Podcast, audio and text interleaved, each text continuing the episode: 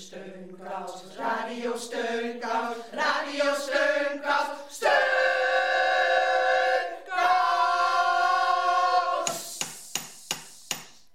Heel hartelijk welkom bij Radio Steunkous.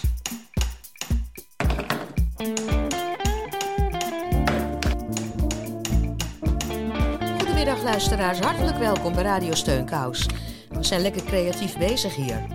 Ja, ik had niet gedacht dat het me ooit nog een keer toe zou zetten, maar we zijn hier aan het beeld houden.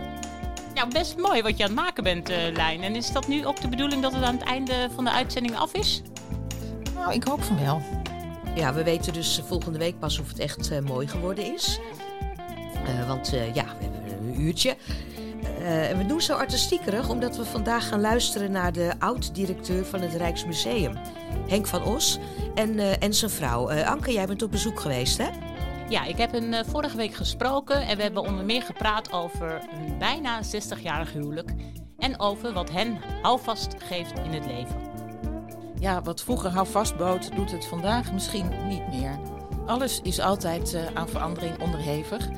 En daarom vind ik het ook leuk om aandacht te besteden aan het 100-jarig bestaan van het Van der Helsplein. Ja, en omdat het afgelopen weekend Pinkster is geweest, beginnen we met uh, André van de Heuvel en wie nog meer was het ook weer? Leen Jongewaard. Leen Jongewaard. Een mooie Pinksterdag.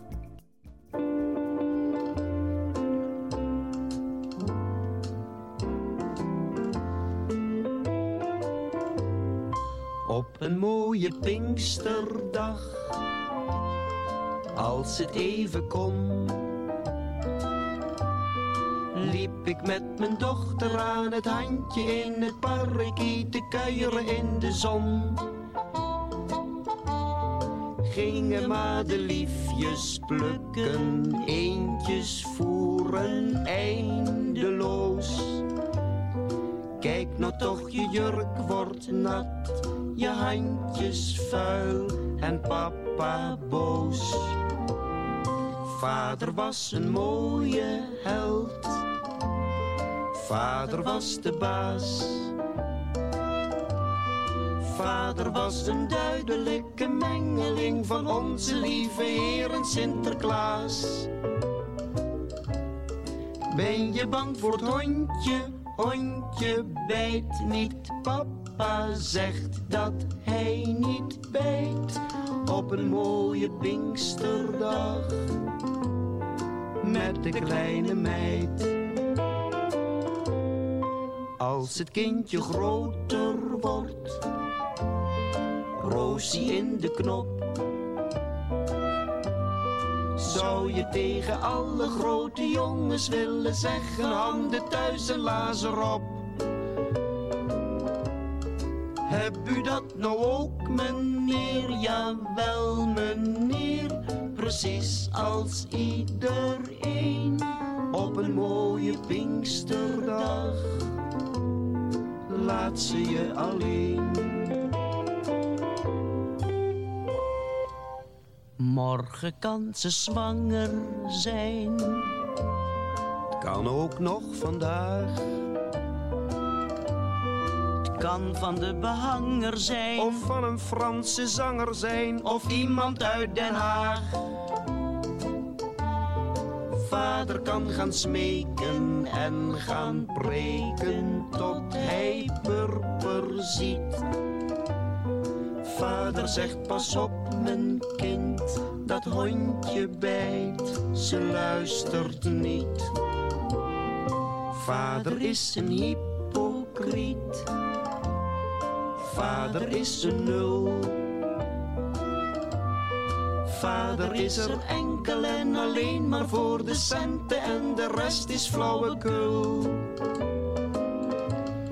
Ik wou dat ik nog één keer met mijn dochter aan het handje lopen kon.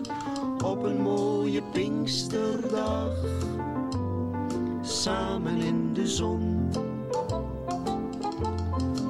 Op een mooie Pinksterdag de zon. Samen in de zon. Ja, het blijft een mooi liedje, Annie en Harry, over hoe je kan uh, terugverlangen naar een tijd die verdwenen is. Nou, 100 jaar geleden was een groot deel van de pijp bijvoorbeeld nog weiland en stonden er links en rechts alleen maar molens. Nou, dat kan je je echt niet meer voorstellen. Molens. Op 29 mei beginnen er rondom het Van de Helsplein allemaal festiviteiten om te vieren dat het plein 100 jaar bestaat. En we hebben gesproken met Ton Heidra, die heel veel van de geschiedenis van de pijpen weet. En als verpleegkundige zijn we natuurlijk altijd heel erg geïnteresseerd in de hygiëne van de vroegere pijp. Ja, en misschien is het dan leuk om eerst even naar een oude reportage te luisteren van Marnix. Ik weet nog dat hij op bezoek was bij eh, Museum Het Schip in Amsterdam, eh, in West in de Spaardammerbuurt. En daar kon je een replica bezoeken van een arbeidershuisje dat precies 100 jaar geleden nieuw gebouwd was in 1921 dus. Komt u binnen? Ah, hier is het lekker warm. Hier is het lekker warm. Warm en knus. En de potkachel die lekker eh, ronkelt op kolen werd die gestookt. Dus dit is eh, de kolenkit. Er werd nog op kolen gestookt, er werd op kolen gekookt. Eh, ja, dat was eigenlijk een beetje de hoofdbrandstof. Nou, dus zoals we zien eigenlijk een eh, geheel eh, uitgeruste keuken met eh gootsteentje. Eén kraantje maar. En ook de was die werd nog met de hand gedaan. Met een wasmangel als het ware. Eh, en er zit ook een wc in. Nou, dan komen we inderdaad op het punt van de hygiëne. Dat was een heel belangrijk eh, eh, punt. De wc is namelijk een afgesloten eh, hok, als het ware. Hij is redelijk groot. En er zit een mooi raampje in, ook naar de keuken. Dan kun je wel met elkaar zwaaien, als het ware. Maar eh, het is heel bijzonder. Wij vinden het nu niet meer zo bijzonder. Maar in die tijd was het echt bijzonder. Eh, en ook dus echt gevolg van die nieuwe richtlijnen van de woningwet, eh, van de bouwverordening. Dat een wc een apart hok moest zijn. eh, niet bijvoorbeeld in de keuken of zomaar in de woonkamer, zoals wel vaker gebeurde. Ja, dat... Kijk. het werkt nu allemaal nog. Ja. Wanneer is dit gebouwd? Deze woning is ook in 1921 gebouwd. Ja, net als het hele blok. Dus in de woningen voor die tijd was er ook geen toilet. Eh, nou ja, voor 1901 was er vaak eh, niet een toilet aangesloten op de riolering, maar echt gewoon een, eh, ja, een, een emmer waar je op kon zitten met een houten zetel als je geluk had. En vaak stond de emmer naast de grootsteen waar moeder dan de aardappel stond te schrobben. Dus in die zin is het echt een enorme verandering. En een ander punt wat we hier missen, want we hebben wel twee slaapkamers. Er is geen badkamer. Eh, want dat was nog iets te luxe. Dus eh schrobben, dat gebeurde of in de tuin in de tobbe. Of je ging naar het badhuis eh één keer per week met z'n allen. Vaak de kinderen vanuit school. En dan werd je met z'n allen in het badhuis eh, eh, geschrobt. En eh, ja, dan was je weer schoon. Dan kon je er weer mee door. Wij hadden toen dus ook gevraagd hoe het destijds met de hygiëne gesteld was. En hij heeft vertelde ook over de badhuizen. Ja, eigenlijk. eh, maar, het was geen douche. Het was al, was al een eh, geweldig dat men een riool had. eh, eh, dat het aangelegd werd in de oude pijp. En, en toen ik zelf nog in de pijp kwam wonen, had ik ook geen douche. Want de mensen hadden geen douche. je, je was die in tijl, maar één keer in de week ging je naar het badhuis om, om je te wassen. Dat was. maar, maar ja, voor een douche, ja, daar, werd, daar was nog geen geld voor de arbeiderswoning. Nee, daarvoor werden overal in de stad werden, eh, badhuizen gebouwd. Bij de, de Grote Flinkstraat eh, was ook een badhuis eh, waar je heen ging.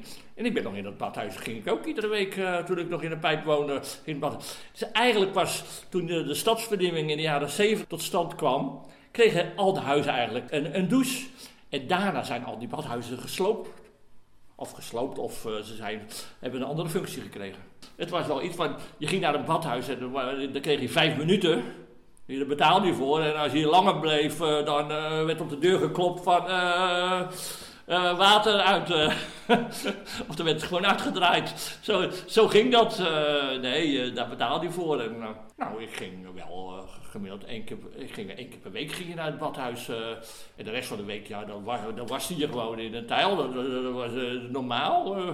ja, wa- is, was misschien eigenlijk ook wel gezonder hoor, dan elke dag douchen. kan je ook wel eens afvragen of dat allemaal, of dat allemaal goed is. Ja, misschien wassen we ons eh, tegenwoordig wel te veel. Nou, grappig hoor, om te bedenken dat het toch helemaal niet zo lang geleden is dat we naar badhuizen gingen. En ik herinner me dat Ida de Wolde zich daar ook altijd waste. Ik ging naar buitenhuis. groene zeep. En dan kregen we allemaal een klodder eh, groene zeep.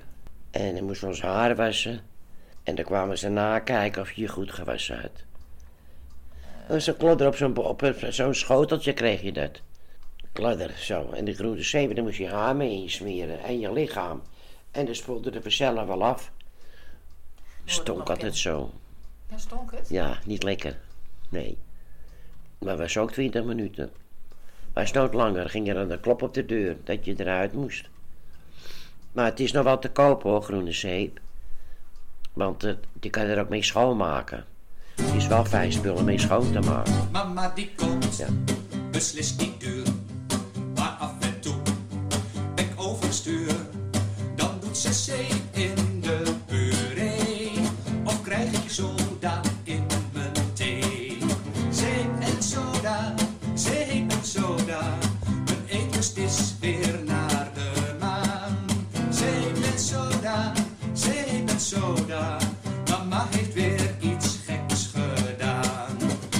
Kennis at een stukje mee. Het werd een uitgebreid diner. Scherpend zei hij toen spontaan. Mama heeft weer haar best gedaan. Zeep en soda, zeep en soda. Mijn eetlust is weer naar de maan. Zeep en soda, zeep en soda. Mama heeft weer iets geks gedaan. Ze doet haar werk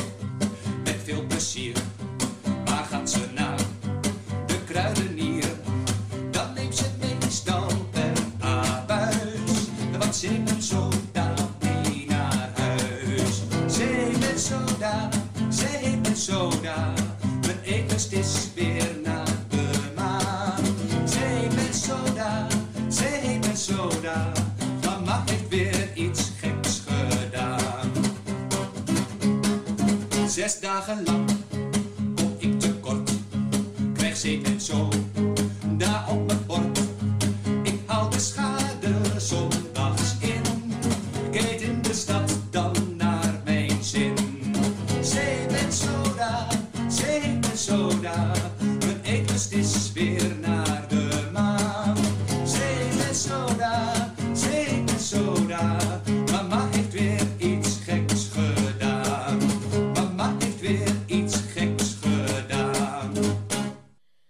na dit schone lied is er wellicht wel tijd om te kijken of er nog iemand heeft gebeld naar ons telefoonnummer 06 12 56 4364.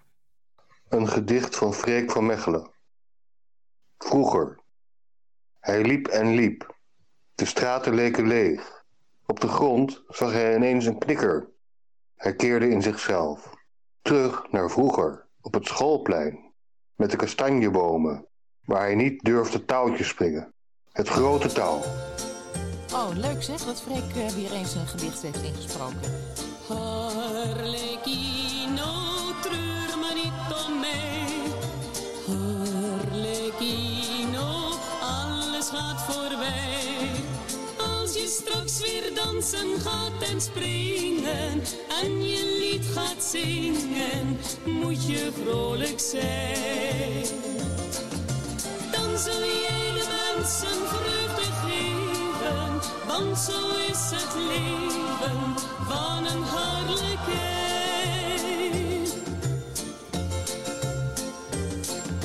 Ook al doet het mij verdriet, van je houden doe ik niet. Dat moet jij toch weten, harlekino. Als je niet meer aan me denkt en geen aandacht aan me schenkt, dan vergeet je al je liefde zo. Harlekino, treur maar niet om mij. Harlekino, alles gaat voorbij. Als je straks weer dansen gaat en springen en je lied gaat zingen, je vrolijk zijn. Dan zul je de mensen vreugde geven, want zo is het leven van een harlekijn.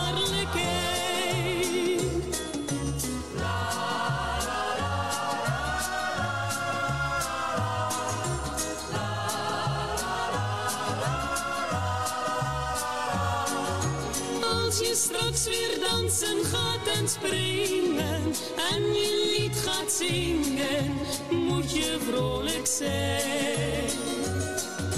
Dan zal je de mensen vreugde geven, want zo is het leven van een hartelijke. Ja, Inka Marina over dansen en springen met Harlekino. En dan moet ik gelijk denken aan onze eigen Hans, Hans Berends. Eh, hoe is het, eh, kan die alweer dansen en springen na zijn heupoperatie? Nee, dansen en springen, dat kan hij voorlopig nog niet. Maar hij is wel hard op weg met zijn herstel. Afgelopen week sprak ik hem op het terras van zijn favoriete café, vlak bij hem om de hoek. En ik vroeg hem wat hem op de been heeft gehouden tijdens zijn revalidatie. Nou, ik ben 6 april eh, ben ik dus geopereerd aan mijn heup. Want ik, kreeg- ik had een versleten heup en nu heb ik weer een, een, een, een, nieuwe heup. Een kunstheup des, eh, weliswaar. Maar ik loop dus nog op krukken en eh, nou ja, ik moet nog een beetje oefenen. Dat zal nog wel een paar maanden duren. Maar dan swing ik weer als een kievit. En, eh, dan, en dan hoop ik dus dat corona te- tegen die tijd ook voorbij is. En dat we weer volop in de studio zitten. En dat er dan weer maandelijks een swingende column komt voor mij. Ja, want deze uitzending gaat het over hou vast. Waar heb je hou vast aan? Nou, jij houdt nu, we zitten naast elkaar op een bankje en jij houdt heel stevig je twee krukken vast. Maar is er nog iets anders waar je hou vast aan hebt in deze periode? Nou ja, het is soms wel eens moeilijk hoor. Hou vast, want als je dus de kranten leest, en ik lees altijd twee à drie kranten per dag om op de hoogte te blijven.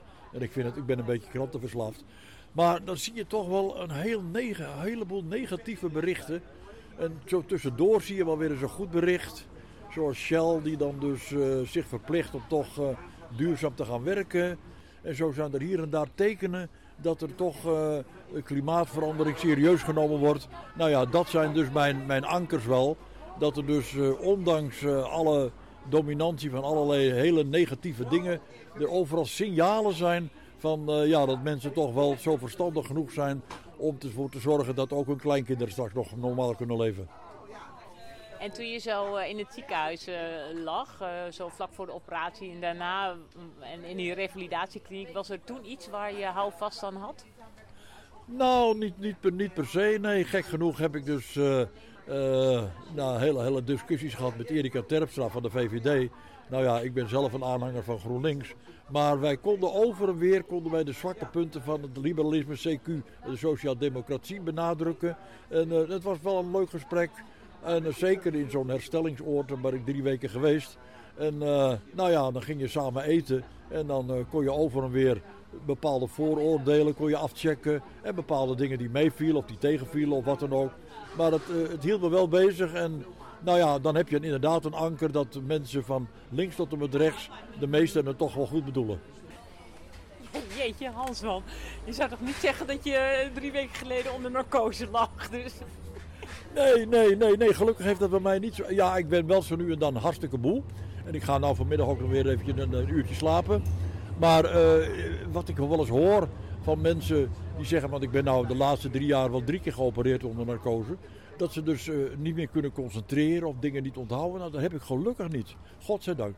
Ja, die Hans, je zou niet denken dat hij drie weken geleden nog op de operatietafel eh, lag. Nou, zo te, zo te horen is hij weer bijna helemaal de oude. En het is grappig dat juist Erika Terpstra hem tijdens zijn revalidatie heeft opgekikkerd. Zeker, Erika blijft iemand die heel graag aanzet tot het activiteit. Dus, luisteraars, mocht u nu lang hebben gezeten, sta maar eens eventjes op. Ga door de knieën en na vijf tellen kom weer omhoog samen met Erika. En dat doen we drie keer. Een beetje door de knieën.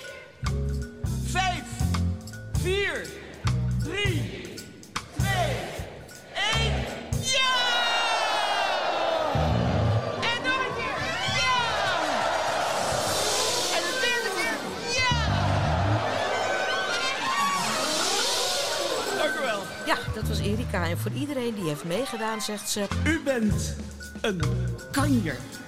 Ja, Hans is zeker een kanjer. En eh, Anke, jij hebt zijn kalm voorgelezen vandaag. Of je nu een ziekenhuis belt, een gemeentelijke instantie of een krant. In 9 van de 10 gevallen hoor je na het welkom van de computer de zin: Dit gesprek kan worden opgenomen voor training en coachingsdoeleinden. Mooi, denk je. Dan zal er in ieder geval aandacht gegeven worden aan het gesprek. Of zo'n gesprek er ooit komt, is echter maar de vraag, want nadat je er even goed voor bent gaan zitten, volgt de computer met: Om u van dienst te zijn, volgt hier een keuzemenu. Niet te langzaam kiezen, want dan reageert de computer met de mededeling dat er nog geen antwoord ontvangen is. Maar ook niet te vlug, want dan gaan ze het keuzemenu herhalen. Als je één of twee keer te vlug of te langzaam gekozen hebt, dan besluit de computer het gesprek te beëindigen en wensen ze je nog een fijne dag. Een levend mens die gewoon de telefoon oppakt, is in geen velden of wegen te bekennen. Gek word je ervan. Mij gebeurde het bij de Volkskrant. Na een heupoperatie moest ik naar een hersteloord. En ik wou de krant daar drie weken laten bezorgen. Geen probleem, meldt de krant in haar colofoon. Bel de klantenservice en we regelen het. Nou, nee dus. Al dwalend in het keuzemenu werd mij keer op keer nog een goede dag toegewenst. Maar verder kwam er niets. Uit pure wanhoop belde ik naar het nummer van de redactie en daar trof ik een aardige meneer die mij wanhoop begreep en het alsnog voor mij regelde. Hoera! Dank u wel meneer voor het begrip. Maar na drie weken eindelijk weer thuis wilde ik de krant weer op mijn huisadres. En na wat dwalen probeerde ik het weer. Maar deze keer hadden ze de truc door. Ik had het woord verhuizing nog niet uitgesproken of ik werd automatisch verbonden met de klantenservice. Na een aantal keren dwalen kreeg ik door stom toeval of gewoon een geluk een behulpzame aardige mevrouw aan de telefoon. Ze was overigens net zo verbaasd als ik dat ik zomaar opeens contact had met haar. Kennelijk was zij eraan gewend dat de computer alles regelde. En nadat we het erover eens waren dat dat hele computergedoe kil, afstandelijk en mensnegerend was, en nadat ik haar een 9 had gegeven voor training en coachingsdoeleinden, had ik het eindelijk voor elkaar. De krant werd weer lekker thuis bezorgd. Computers inzetten in plaats van mensen zal wel goedkoper zijn, maar toch acht ik het een absurd en weinig effectief beleid. Bijna dagelijks wordt mij door vlotte jongens en meisjes vriendelijk, doch dringend gevraagd een goedkoop abonnement te nemen. Soms lukt het, maar vaak niet. Waarom zet de krant die vriendelijke jongeren niet achter de telefoon? Wat zou het niet heerlijk zijn als je de krant belt en je krijgt zomaar een levend mens aan de lijn? Kranten hebben het moeilijk, ik weet het, maar een beetje mensvriendelijker zou zeker hun populariteit vergroten en een dikke voldoende opleveren voor trainings- en coachingsdoeleinden.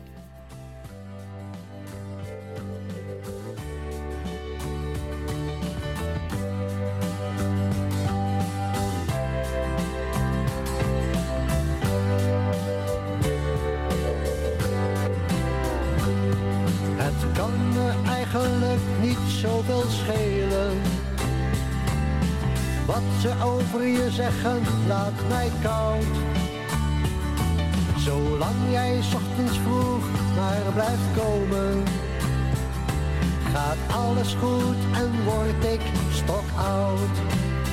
De een zegt je deugt niet, de ander jij hebt moed. Voor mij ben je de beste, voor mij ben je goed. Ben je goed, ben je goed. Jij komt en vertelt de laatste nieuwtjes over geboorte en de dood. Jij komt en geeft je eigen mening over politiek, groen of rood. De een zegt je deugt niet, de ander jij hebt moed. Voor mij ben je de beste, voor mij ben je goed. Ben je goed, ben je goed.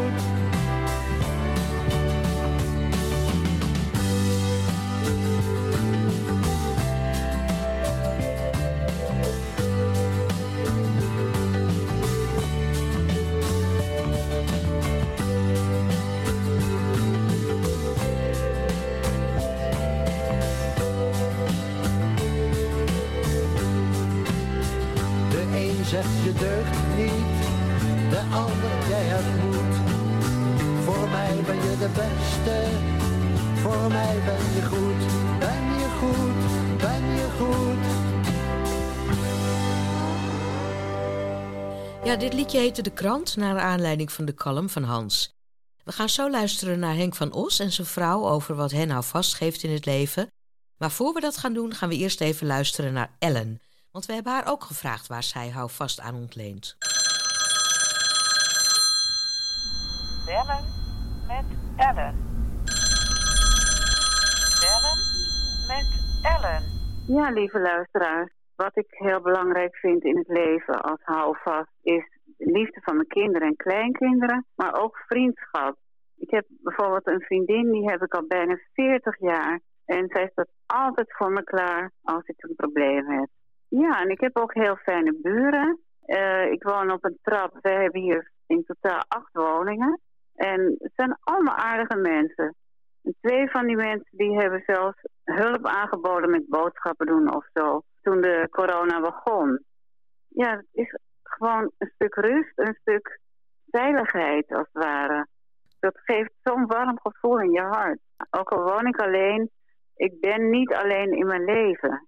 Ik denk dat de meeste luisteraars inmiddels al gevaccineerd zijn. Maar ja, het is toch nog steeds een moeilijke tijd. Dus, nou, je houdt moed. Maar er komt een eind aan. Dag.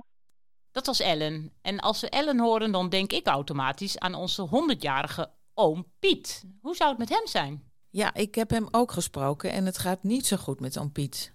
Hij heeft een TIA gehad, kan niet meer piano spelen. Zijn korte termijn geheugen is aangetast. En we hadden het net over het Van der Helstplein. Hij heeft daar in de buurt gewoond en hij is zelf precies één jaar ouder dan het plein. Spreekt met Peter, goedemiddag. Met Marjolein van Radio Steunkous. Oh, ja. Hoe gaat het met u? Nou, ik moet eerlijk zijn, het gaat niet best.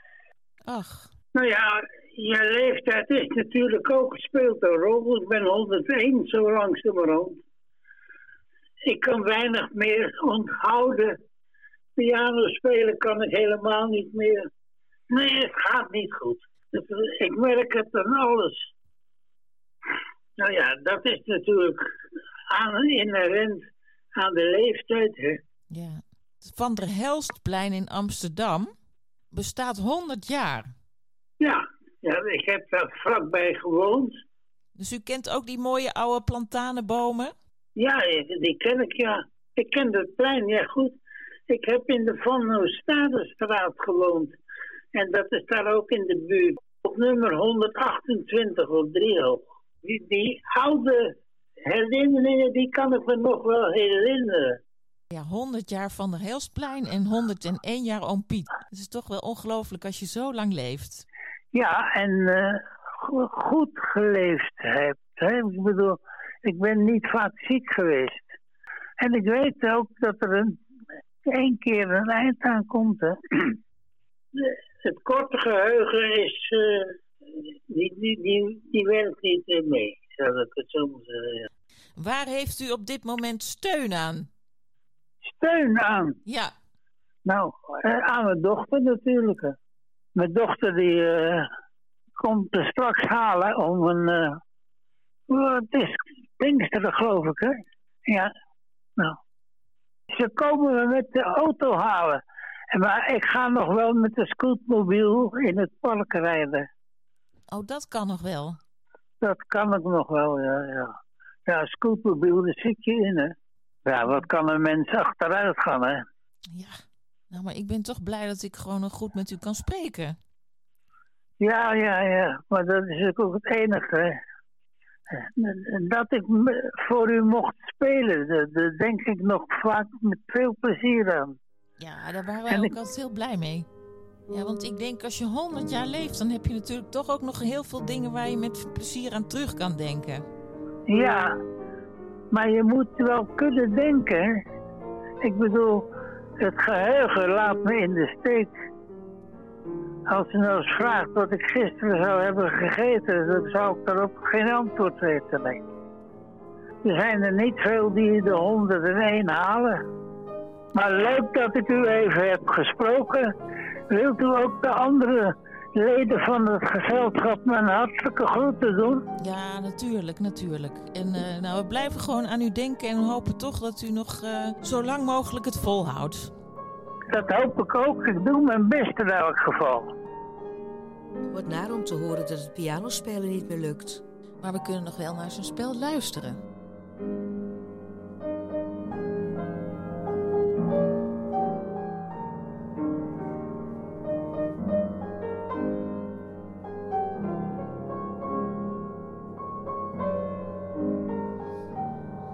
Ja, mooi. Dat was oom Piet aan de piano.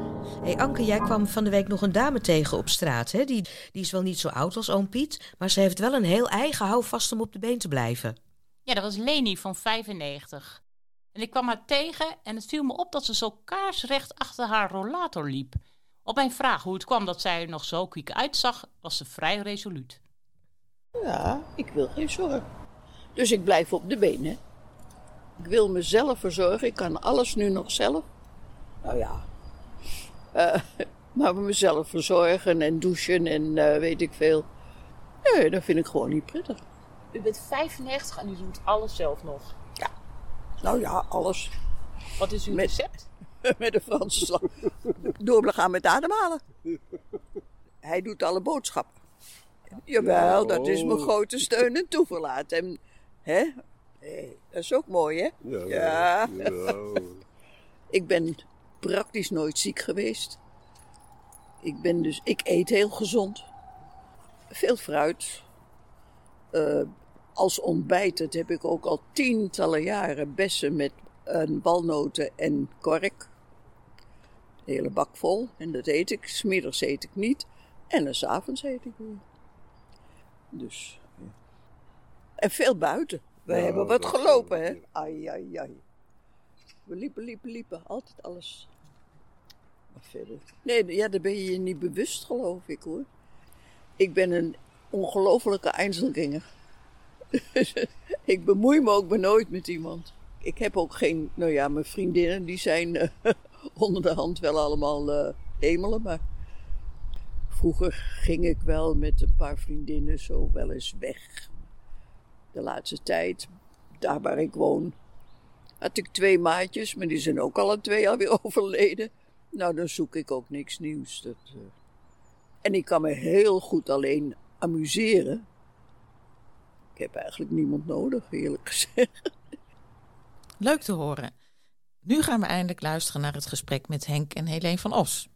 Ja, want we zijn benieuwd waar zij houvast aan hebben.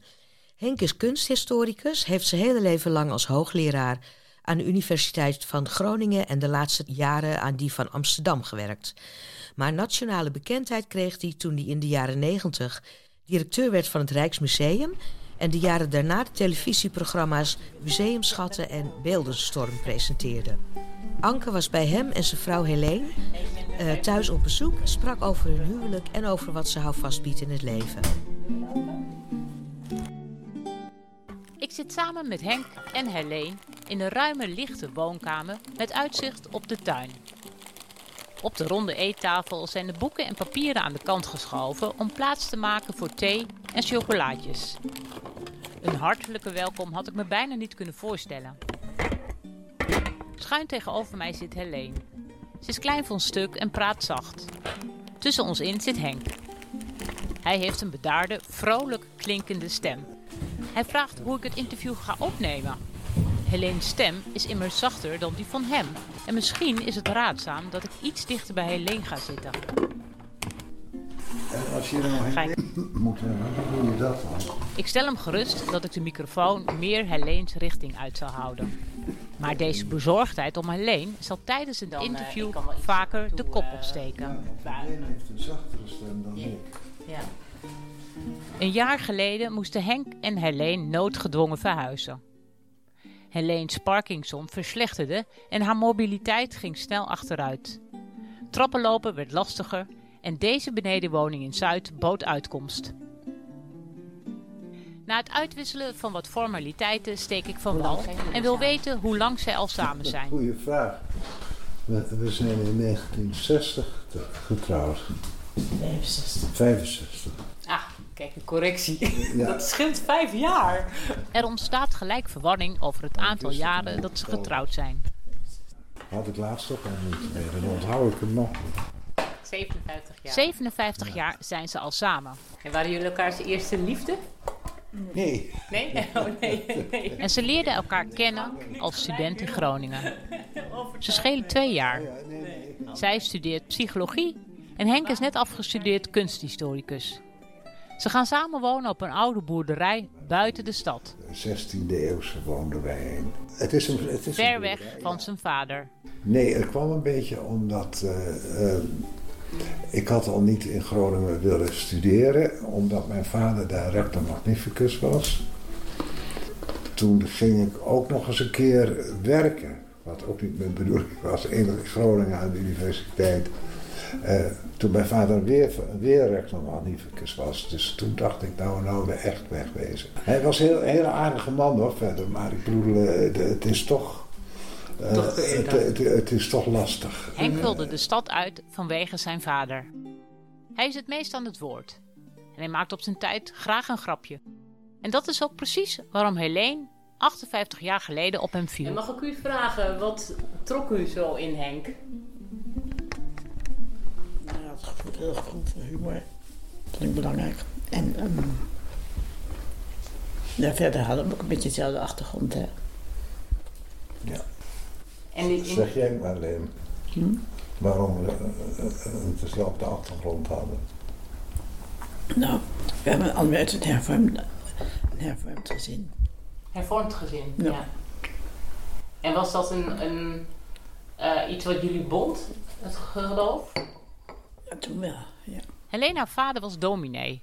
Maar toch brak zij met het geloof omdat ze niet afhankelijk wilde zijn van een god en van anderen. Je bent zelf verantwoordelijk voor wat je doet, vindt ze. Maar hoe reageerde uw familie dat u afstand nam van het geloof? Oh, dat hebben ze nooit zo erg eh, moeilijk gevonden. Nee? Ik kom uit een gezin met vijf kinderen en ik geloof dat er nog maar één echt gelovig is. Want het Helene deed afstand van het geloof. dan niet zo, het heeft volgens mij voor u wel een belangrijke Maar voor Henk speelde het geloof een belangrijke rol in zijn leven. Ja, dat heeft het. Maar dat was, dat was ook wel een, een geloof wat, wat heel veel mensen niet met mij deelden. Ik eh, kan alleen maar met het geloof omgaan als ik een God mag beleiden die net zo lang bestaat als wij in hem geloven, zal ik maar zeggen. Henk gelooft dat God bestaat bij de gratie dat mensen in hem geloven. Ik ben toen ook een tijd. Stoppen wij met geloven, dan houdt God op te bestaan. Hun geloofsverschillen zijn nooit een punt van discussie geweest tijdens hun huwelijk. Evenmin als het feit dat Henk voor zijn werk aan de universiteit vaak op reis ging naar Italië en Amerika. En Helene de zorg voor de drie kinderen in Groningen op nee, je bent nam. heel veel op reis geweest zonder mij, maar vooral naar eh, Amerika, want dat is zo lang. Dat duurde, dat duurde langer, ja. Italië. Ja, Nou, Italië zijn we samen geweest, zelfs nog een eh, jaar. Ja. Zijn er dan momenten geweest die beslissend zijn geweest voor bepaalde keuzes die jullie gemaakt hebben? Nou, om naar Amsterdam te gaan. Ja, dat is een... Eh, die, die gang van Groningen naar hier, Ja. dat, eh, dat hadden, we, hadden we eigenlijk niet verwacht. Nee. Nee. Het was eerder dat je er eh, tegenop zag een beetje of je dat grootstedelijke, of je dat wel eh, leuk zou vinden. En ja, dat vond ik dus leuk. Ik kom heel reusachtig uit Groningen. Ja, dat, dat- ik, ik had nooit gedacht dat ik daar weg zou gaan. Maar het is, ja, nou, toen is het dus wel, ja. Maar bent u dan nu een Amsterdammer? Zo voel ik het wel, ja. Ja? Ja, zeker, ja. Henk had nooit gedacht dat hij Groningen zou verlaten voor Amsterdam. Maar hij ging zich hier thuis voelen en bleef er wonen, ook toen hij drie jaar geleden stopte als hoogleraar aan de universiteit. Wat was de reden dat u stopte eigenlijk? Eh, nou, ook wel dat ik... eh eh, Helene heeft de ziekte van Parkinson. En dat ik dacht dat ik, eh, eh, dat ik er ook wel eens een beetje aandacht eh, eh, da- daar, dus dat. En ook wel omdat je, je denkt dat. eh, eh, je hebt altijd nog wel het gevoel dat iets beter kan. Maar als je 80 bent, dan, heb je dat, dan, dan, dan is dat een beetje overdreven gevoeld. Eh, dus dat had ik niet. En dat haalt ook wel een beetje. Ja, ik, eh, dat je op tijd met iets ophoudt, laat ik het zo zeggen. Hmm. Dat zijn andere mensen die, die denken dat op hun zeventigste. Ja, pech gehad, zou ik zeggen. Maar heeft dat het leven voor jullie veranderd?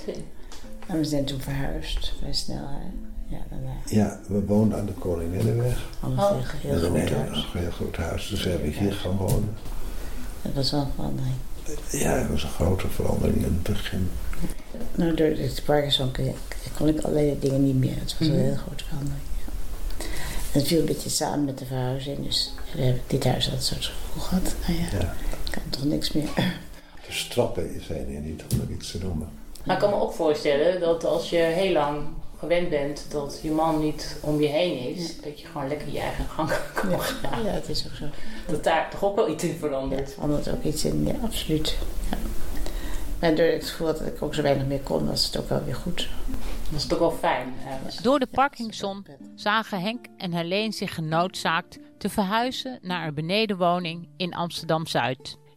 Ik vraag me af wat deze twee mensen die al zo lang bij elkaar zijn en al zoveel met elkaar hebben meegemaakt, wat zij hebben geleerd van het leven. Ja, ik had misschien meer mijn eigen zelfstandigheid willen behouden. Nou, het staat er dik in dat Helene ook eh, hoogleraar zou kunnen worden. En zijn er bij u situaties zeggen we waar u echt iets van geleerd heeft? Ehm, meer voor de, er voor de kinderen zijn.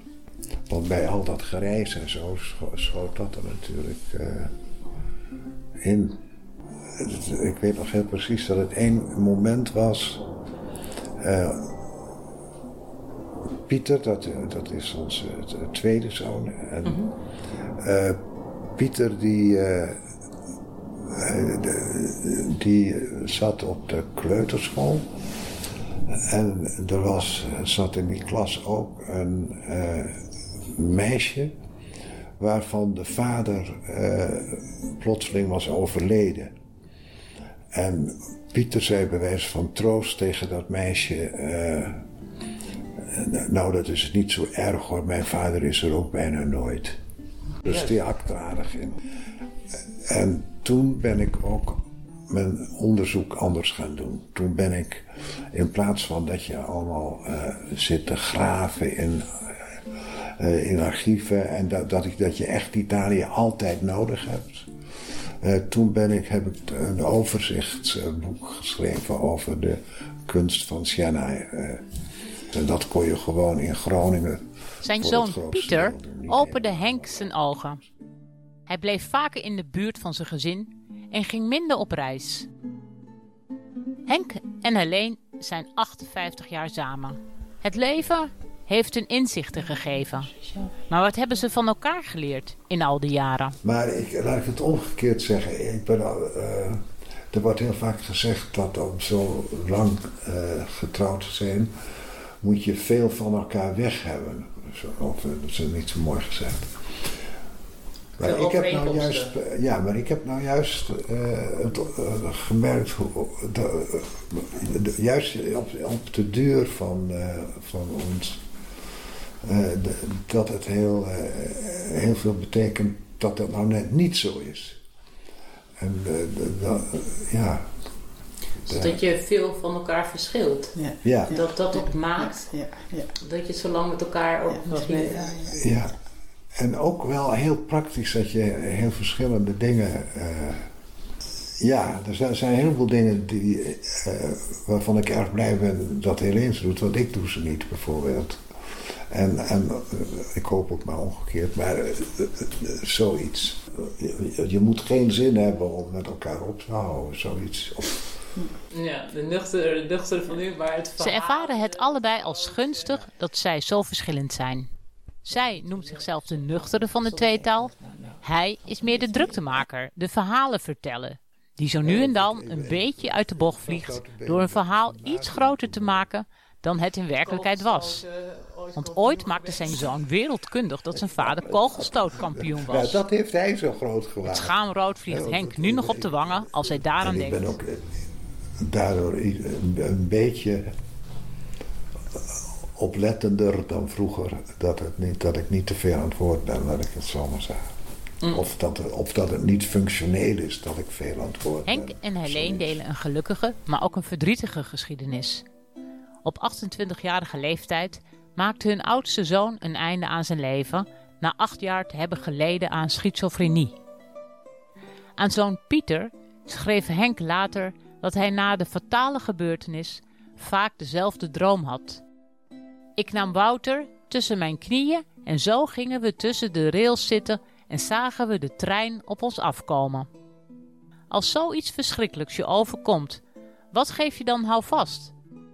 Voor Helene zijn dat de relaties die zij in haar leven is aangegaan. En voor Henk? Wat biedt hem houvast? Nou, die dingen in die, in die kerk, die eh, brengen je in de eerste plaats tot rust. Dus eh, ja, één keer eh zulk soort, zulk soort van ervaringen. Dat je, vroeger vond ik het echt heel moeilijk om niet door te rammen. Zo, met van alles en nog wat. En met één keer in de week eh, op de knieën, zal ik maar zeggen, dat, dat helpt. Eén Bij mij. één keer in de week Ja, ja, ik kan absoluut niet. eh, Ik, eh, ik mantra ook mensen die zeggen: Ja, nee, ik ben enorm godsdienstig, maar ik ga niet naar de kerk. Want als ik niet naar de kerk ga, dan ben ik wel niet godsdienstig meer. Dus het geloof geeft u wel houvast. Kan ik dat zo stellen? Ja, dat is. Is het houvast? Ja, ik geloof, het wel eigenlijk, ja. En je, eh, je, je denkt na over eh, allerlei dingen. eh, mensen vooral in je, in leven, over Helene, over, en, over de kinderen en over het gemis van onze oudste zoon en over van, van, allerlei dingen. En dat gaat met zo'n liturgie gaat dat mee. Dan krijg je daar ruimte voor. Eh, er wordt uit de Bijbel gelezen, er wordt dit gedaan en dat. Eh, eh, en dat geeft mij meer structuur. Het geloof biedt Henk houvast. Helene vindt houvast bij de mensen om haar heen. Twee tegenovergestelde inzichten van twee bijzondere mensen, die juist vanwege hun grote verschillen al 58 jaar bij elkaar zijn.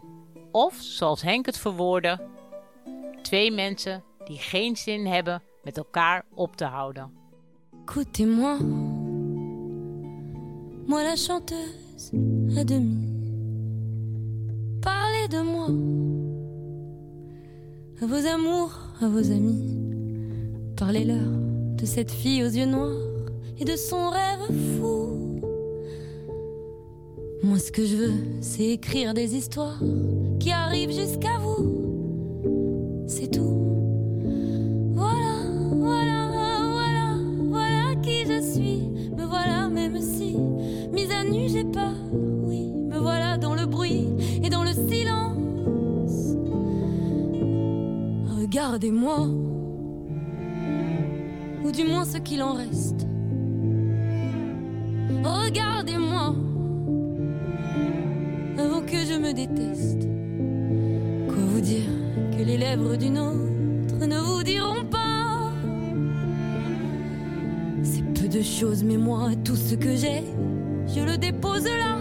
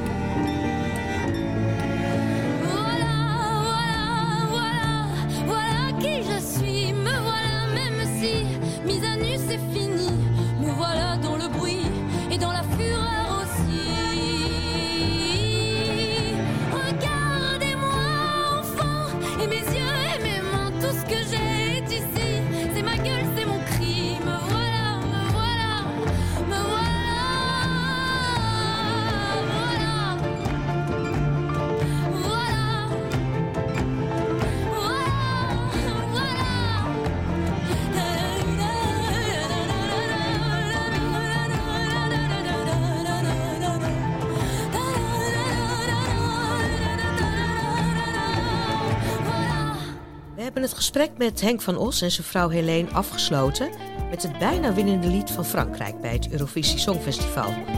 Barbara Pravi was dat en de boodschap is neem zoals ik ben. En dat lijken Henk en Helene heel goed te doen. Nou, ik heb ondertussen mijn handen een beetje vies gekregen van het stenen bakken. Hoe ver ben je eigenlijk, Lijn? Met je beeldhouwwerk? Ja, ik heb eh, geprobeerd om een mooie buste te maken van Ellie. Ik weet niet, vinden jullie dat het lijkt? Ehm, het is net of ik in de spiegel kijk. Eerlijk, ik meen het. Ja, ben wel geweldig. een ja. op. Nou, je kan eh, zo het Rijksmuseum in wat mij betreft. Nou, wij nemen met deze bemoedigende woorden nemen we afscheid van u. En we hopen dat u de volgende week weer bent. Tot dan, tot steunkous.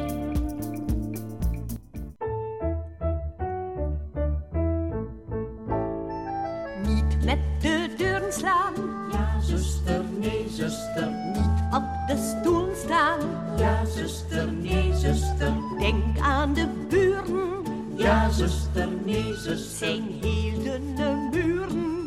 Ja, zuster, nee, zuster, laten we allemaal doen wat we willen. Zonder te schreeuwen en zonder te gillen. Doe wat je het liefste doet. Ja, zuster, nee, zuster, dan is het altijd goed. Ja, zuster, nee, zuster, ja, zuster, nee, zuster, ja, zuster, nee, zuster.